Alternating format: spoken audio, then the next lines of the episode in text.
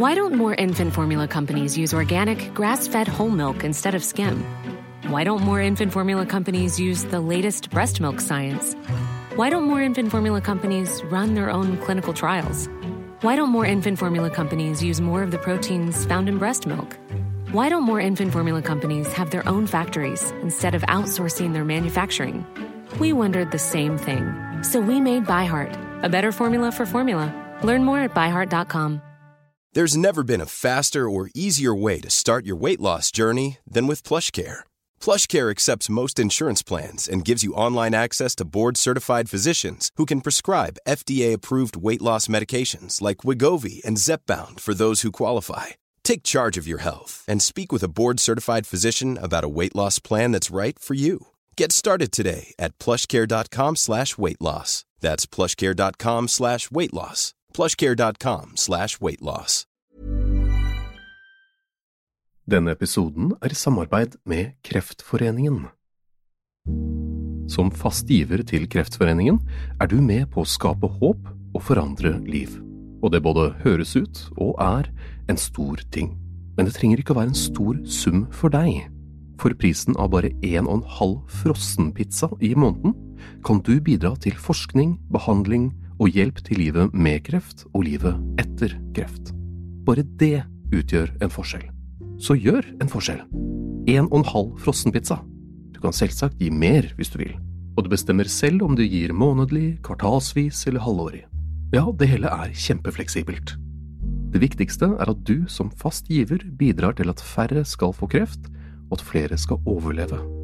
Gå inn på kreftforeningen.no giver, eller klikk på lenken i episodebeskrivelsen. Som sagt, en og en halv frossenpizza. Bli fast giver hos Kreftforeningen i dag.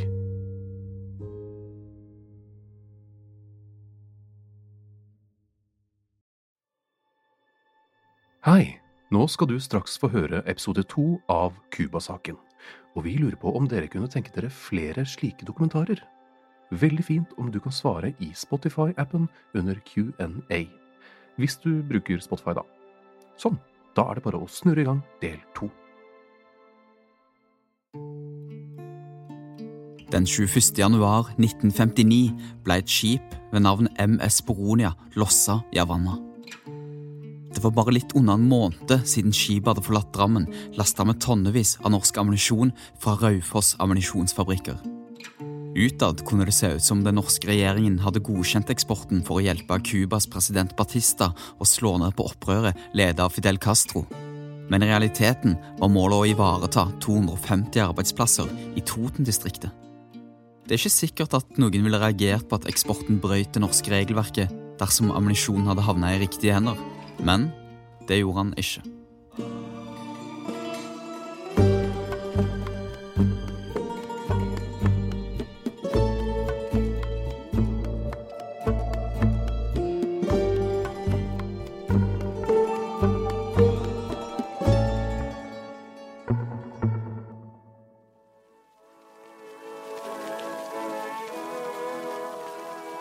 En kjent sak at mange syns tida med juleforberedelser går fort.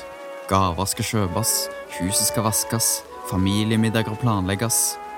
Tiden fram til lille julaften i 1958 hadde nok òg gått fort for det statseide selskapet Raufoss Ammunisjonsfabrikker, som vi fra forrige episode kjenner som RA. Det var tydelig at de hadde kjent på hastverket for å fullføre leveransen med ammunisjon til Cuba, som hadde hatt en svært kort tidsfrist.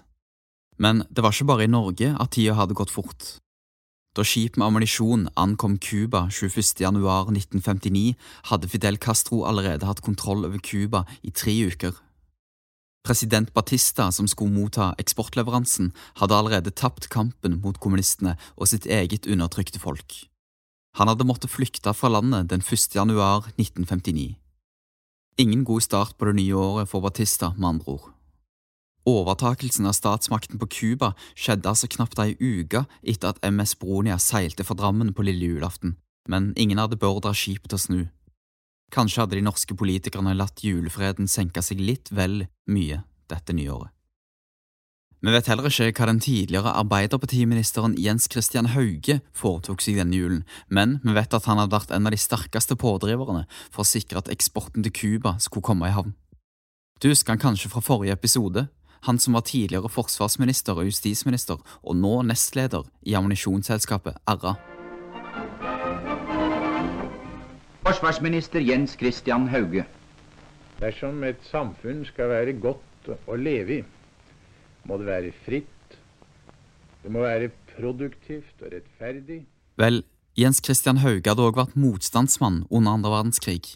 Forståelig nok var han derfor svært opptatt av rikets sikkerhet. Som justisminister hadde han gått i bresjen for å overvåke de han oppfatta som en trussel, og i hans øyne var dette kommunister og radikale sosialister i Norge. Samtidig hadde han nå, som nestleder i RA, bidratt til å levere 258 tonn ammunisjon rett i hendene på Fidel Castro, en av verdenshistoriens største kommunistiske skikkelser. Ingen god start på det nye året for Jens Christian Hauge heller, altså. Men vent litt nå. Den norske regjeringen hadde tabba seg ut. 258 tonn ammunisjon var på avveie, og det virka ikke som noen av de involverte hadde kontroll. Hvor var egentlig media? Skrev de noe om dette? Fikk saken i det hele tatt oppmerksomhet? Vi må gå noen måneder tilbake. Ja, man måtte ta mange steg tilbake i denne historien. Dette er det siste. Den 21. november 1958, rett før Utenriksdepartementet mottok den formelle forespørselen fra RA om eksporttillatelse, hadde Dagbladet et lite oppslag om dansk eksport av ammunisjon til Cuba. Dette innlegget hadde vekka debatt i offentligheten der kritikk ble retta mot Danmark. Det var mange som var skeptiske til å eksportere ammunisjon til et land i en borgerkrigslignende tilstand. Ingen visste da hva som snart skulle komme. Like etter at MS Boronia hadde forlatt Drammen, ble en journalist i Aftenposten gjort oppmerksom på hendelsen. En norsk eksport av ammunisjon på vei over Atlanteren? Til Cuba? Hva var dette? Kunne det bli en stor nyhetssak? Journalisten bestemte seg for å orientere sjefsredaktøren i Aftenposten om den potensielle nyhetssaken. Redaktøren var ikke imponert. Svaret var som følger. Aftenposten skal ikke være den første avisen som publiserer en såpass kjedelig sak for Norge. Journalisten måtte derfor legge fra seg funnet og jakte videre på nye saker. Dermed ble det avisen Sjøfarten, i dag kjent som Dagens Næringsliv, som publiserte den første saken om at Norge hadde eksportert ammunisjon til Cuba. Dette skjedde først den 19. februar 1959, et par måneder etter at denne oppmerksomme Aftenposten-journalisten først orienterte sin redaktør om hendelsen. Sjøfarten ga saken forsideplass med overskriften Millioneksport av norsk ammunisjon til borgerkrigslandet Cuba. Etter denne avsløringen fulgte flere medieoppslag. Sjøfarten kunne senere avsløre at deler av ammunisjonen var blitt lånt fra amerikanske lagre. Nå fikk saken virkelig oppmerksomhet. Det ble lagt fram for offentligheten at den norske regjering ikke bare hadde handla i strid med bestemmelser fra Stortinget, men at de nå i samme åndedrag hadde brutt avtaler med våre nærmeste allierte. Og så var det jo selvfølgelig den gjennomgående problematikken rundt kommunisme, da. Med all medieoppmerksomheten utvikla saken seg nå til å bli svært alvorlig for regjeringen. Allerede i starten av 1950-årene var det en utbredt oppfatning blant opposisjonen om at den reelle makten i Norge lå i Arbeiderpartiets hovedkontor på Jungstorget, og at øvrige politiske partier ikke hadde noe de skulle ha sagt. Regjeringens håndtering av Cuba-saken ble dermed en ytterligere provokasjon for den allerede misfornøyde opposisjonen. Arbeiderpartiregjeringen ble nå beskyldt for å opptre med en manglende respekt både overfor Stortinget og de parlamentariske spillereglene. Tidlig på våren i 1959 ble det holdt stortingsdebatt om Cuba-saken. Debatten varte i hele seks timer og ble til tider svært oppheta. De borgerlige partiene i opposisjonen fremma et mistillitsforslag mot regjeringen. Dermed risikerte regjeringen, eller i det minste noen av statsrådene, å måtte gå av. Mistilliten ble begrunnet med at landets utenrikspolitiske prinsipper ikke skulle være til salgs. Det ble sagt i debatten at det aldri hadde vært regnet som god moral i Norge å tjene penger på andres ulykke. I forbindelse med mistillitsforslaget kom Gerhardsen med en overraskende uttalelse. Han innrømte overfor Stortinget at han ikke ønska å uttale seg i saken fordi han i prinsippet var enig med de som hadde reist kritikken. I forrige episode fikk du høre at Gerhardsen hadde vært på reise i India da regjeringen godkjente eksporten, og statsministerens ord ble derfor tolka som kritikk mot de av partifellene som hadde vært til stede da avgjørelsen ble tatt. Arbeiderpartiets sterke grunnmur hadde begynt å slå sprekker. Innad i partiet var det òg mange andre som var sterke motstandere av at eksporten hadde funnet sted, fordi Batistas styresett ikke var forenlig med demokratiske verdier. Spesielt var det en sterk kritisk holdning i arbeiderbevegelsen, ettersom Batista-regimet undertrykte og utnytta spesielt arbeidere og fattige. Den interne kritikken kunne dermed ikke stilnes av Gerhardsens unnskyldning om at regjeringen ikke var blitt gjort oppmerksom på reglementet fra 1935-vedtaket i forkant av eksporten. Til tross for all kritikk falt mistillitsforslaget fra opposisjonen, og regjeringen ble sittende. Opposisjonen kalte det maktarroganse at regjeringen ble sittende etter alle avsløringene. Jon Lyng, Høyre-representant og senere statsminister, oppsummerte det hele slik. Denne debatten har til dels dreiet seg vel så meget om statsrett som om ammunisjon og våpenleveranser. Arbeiderparti-statsråd Jens Haugland slo fast at det var en svart dag for Arbeiderpartiet og regjeringen. Hey, I'm Ryan Reynolds. Recently, I asked Mint Mobile's legal team if big wireless companies are allowed to raise prices due to inflation. They said yes. And then when I asked if raising prices technically violates those onerous two year contracts, they said, What the f are you talking about, you insane Hollywood ass? So to recap, we're cutting the price of Mint Unlimited from $30 a month to just $15 a month. Give it a try at mintmobile.com slash switch. $45 upfront for three months plus taxes and fees. Promo rate for new customers for limited time. Unlimited more than 40 gigabytes per month. Slows. Full terms at mintmobile.com. Many of us have those stubborn pounds that seem impossible to lose, no matter how good we eat or how hard we work out. My solution is PlushCare. PlushCare is a leading telehealth provider with doctors who are there for you day and night to partner with you in your weight loss journey. They can prescribe FDA-approved weight loss medications like Wagovi and Zepbound for those who qualify. Plus, they accept most insurance plans. To get started, visit plushcare.com slash weight loss. That's plushcare.com slash weight loss. I'm Sandra, and I'm just the professional your small business was looking for. But you didn't hire me because you didn't use LinkedIn jobs. LinkedIn has professionals you can't find anywhere else, including those who aren't actively looking for a new job, but might be open to the perfect role, like me. In a given month, over 70% of LinkedIn users don't visit other leading job sites. So if you're not looking on LinkedIn, you'll miss out on great candidates like Sandra. Start hiring professionals like a professional. Post your free job on linkedin.com/spoken today. Cuba-saken var ikke det som velta den tredje Gerhardsen-regjeringen, men etter eksporten av ammunisjon til Cuba i 1959 ble det i begynnelsen av 60-tallet flere og flere oppheta debatter og kraftige konfrontasjoner mellom regjeringen og opposisjonen. Opposisjonen ble politisk styrka ved å samle seg om kritikken, og voksende misnøye internt i partiet gjorde Arbeiderpartiregjeringen mindre motstandsdyktig enn den tidligere hadde vært. Til slutt var det Kings Bay-ulykken på Svalbard som førte til regjeringskrise og Gerhardsen-regjeringens avgang i august 1963. De som stemmer for herr Knutssons mistillitsforslag, svarer ja. De som stemmer mot, svarer nei. Her voteres. Til slutt kunne stortingspresident Nils Langhelle meddele voteringsresultatet. Voteringen hadde dette utfall. 76 svarte ja. 74 svarte nei. Det var ingen fraværende. Med dette fikk Norge sin første borgerlige regjering etter andre verdenskrig, og etterkrigsårenes arbeiderpartiledende politiske orden i Norge hadde nådd sin ende. Cuba-saken var blant de første store sakene som omfattet eksport av ammunisjon til land utenfor Nato, og som senere ble kjent i opinionen og førte til debatt om norsk våpeneksport. Unikt for Cuba-saken var at den kom til å bli utløsende årsak til stortingsvedtaket om klarere retningslinjer for våpeneksport 11. mars 1959. Dette vedtaket kalles 1959-vedtaket, og den dag i dag er det dette regelverket vi forholder oss til ved eksport av militært materiell. De aller fleste oppfatter 1959-vedtaket som en innskjerping av eksportregelverket fra 1935. Vedtaket gjentok dessuten mange av de tidligere bestemmelsene. Felles for begge vedtakene er blant annet at ingen av de åpner for å ta hensyn til sysselsetting på Toten. Da 1935-vedtaket hadde lagt ned forbud mot å selge militært materiell til land med krig eller borgerkrig, gikk 1959-vedtaket et skritt lenger. Nå var det òg forbudt å eksportere til land der krig truer.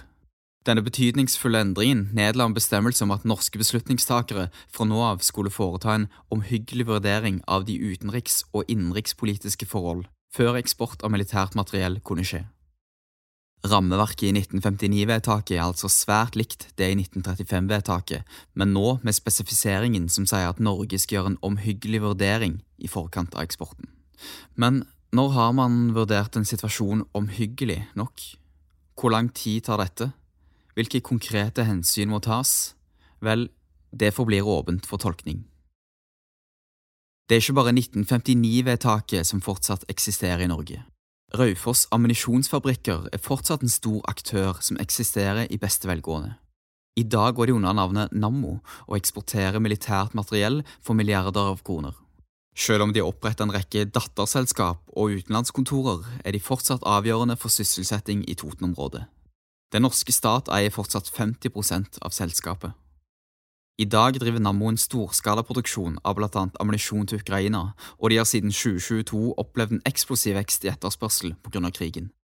Det har som sagt aldri vært regnet som god moral i Norge å tjene penger på andres ulykke, og eksporten av forsvarsmateriell er derfor ikke kommersiell fra statens side. Den norske staten betaler for det vi eksporterer av våpen og ammunisjon til Ukraina, og eksporten ble gitt som en donasjon til det krigsramma landet. Eksporten er i tråd med 1959-vedtaket, fordi et av unntakene i regelverket slår fast at salg av militært materiell til land som er i rene forsvarskriger, må tillates, slik at norsk våpen og ammunisjon kan brukes til å kjempe for fred.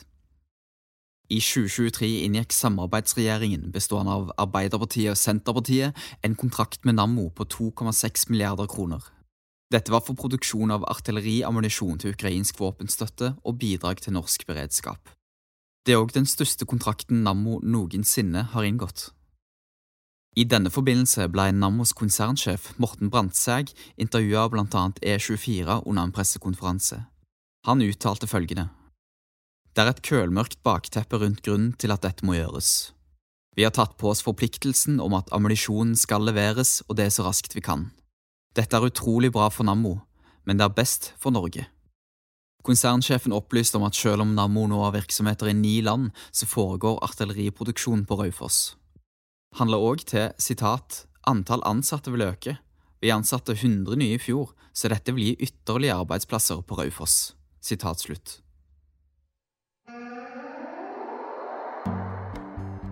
Det er lenge siden MS Boronia satte kursen mot Cuba med 258 tonn ammunisjon. Manglende kontroll og feilvurderinger for øvre hold førte til en politisk skandale og en forsinka julegave til Fidel Castro. Det største problemet var ikke at regjeringen handla i strid med utenrikspolitikken til våre allierte ved å sikre kommunistene på Cuba flere våpen, men heller at Norges demokratiske tradisjoner, eksportregelverk og fredspolitikk ble satt til side til fordel for industriell sysselsetting.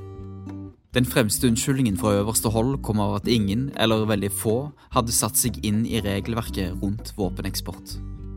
Noen annen unnskyldning fra regjeringen for å ha brutt med retningslinjer og demokratiske prinsipper kom aldri.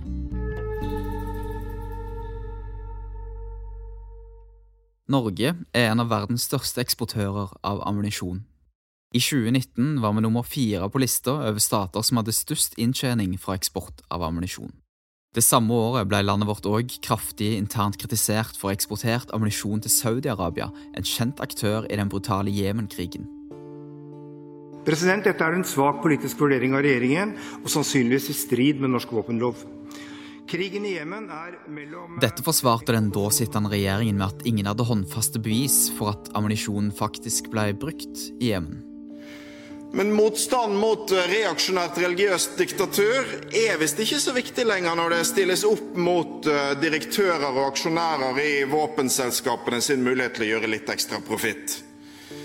I 2021 foretok Riksrevisjonen en undersøkelse av norske myndigheters arbeid med eksportkontroll av strategisk varer, der hovedkonklusjonen ble at Utenriksdepartementets omhyggelige vurderinger ikke er grundige nok, og at den samla kontrollen for å hindre ulovlig eksport er for dårlig. Angående eksport til krigførende parter i Jemenkrigen ble kritikknivået satt som alvorlig. Dette er det nest sterkeste kritikknivået Riksrevisjonen opererer med. MS Boronia har for lengst blitt evig fortøyd, men fortsatt er det andre norske skip som kaster loss og seiler ut i verden, lasta med ammunisjon. Faller lasten nå i riktige hender? De fleste gangene gjør den det. De fleste gangene er Utenriksdepartementets omhyggelige vurderinger nok. Men hva skjer de andre gangene dersom ammunisjonen skulle falle i feil hender igjen, slik Riksrevisjonen og flere andre frykter? Da blir det kanskje som daværende statsminister Gerhardsen uttrykte under mistillitsdebatten i 1959. Det vil vi helst ikke snakke om.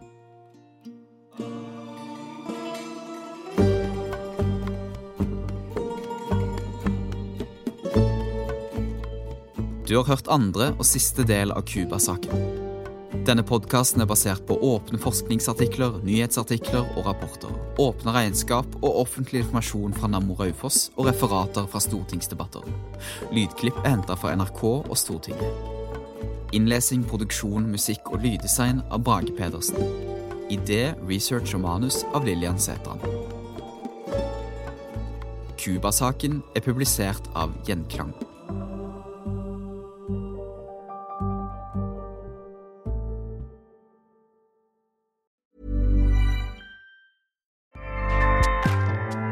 ACAST powers the world's best podcasts.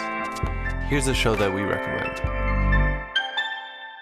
The Real Housewives is a guilty pleasure for most, but if you're looking to not feel guilty about that pleasure, tune in to Everything Iconic with me, Danny Pellegrino, where I break down all the messy moments and behind the scenes antics of Bravo's popular franchise. And on Everything Iconic, I also interview celebrity guests like Kelly Ripa, Kiki Palmer, Drew Barrymore, Cameron Diaz, and more about their guilty pleasures, their past work, and so much more. So if you're pop culture obsessed and find yourself watching way too much reality TV like me, tune in to Everything Iconic with Danny Pellegrino wherever you listen to podcasts.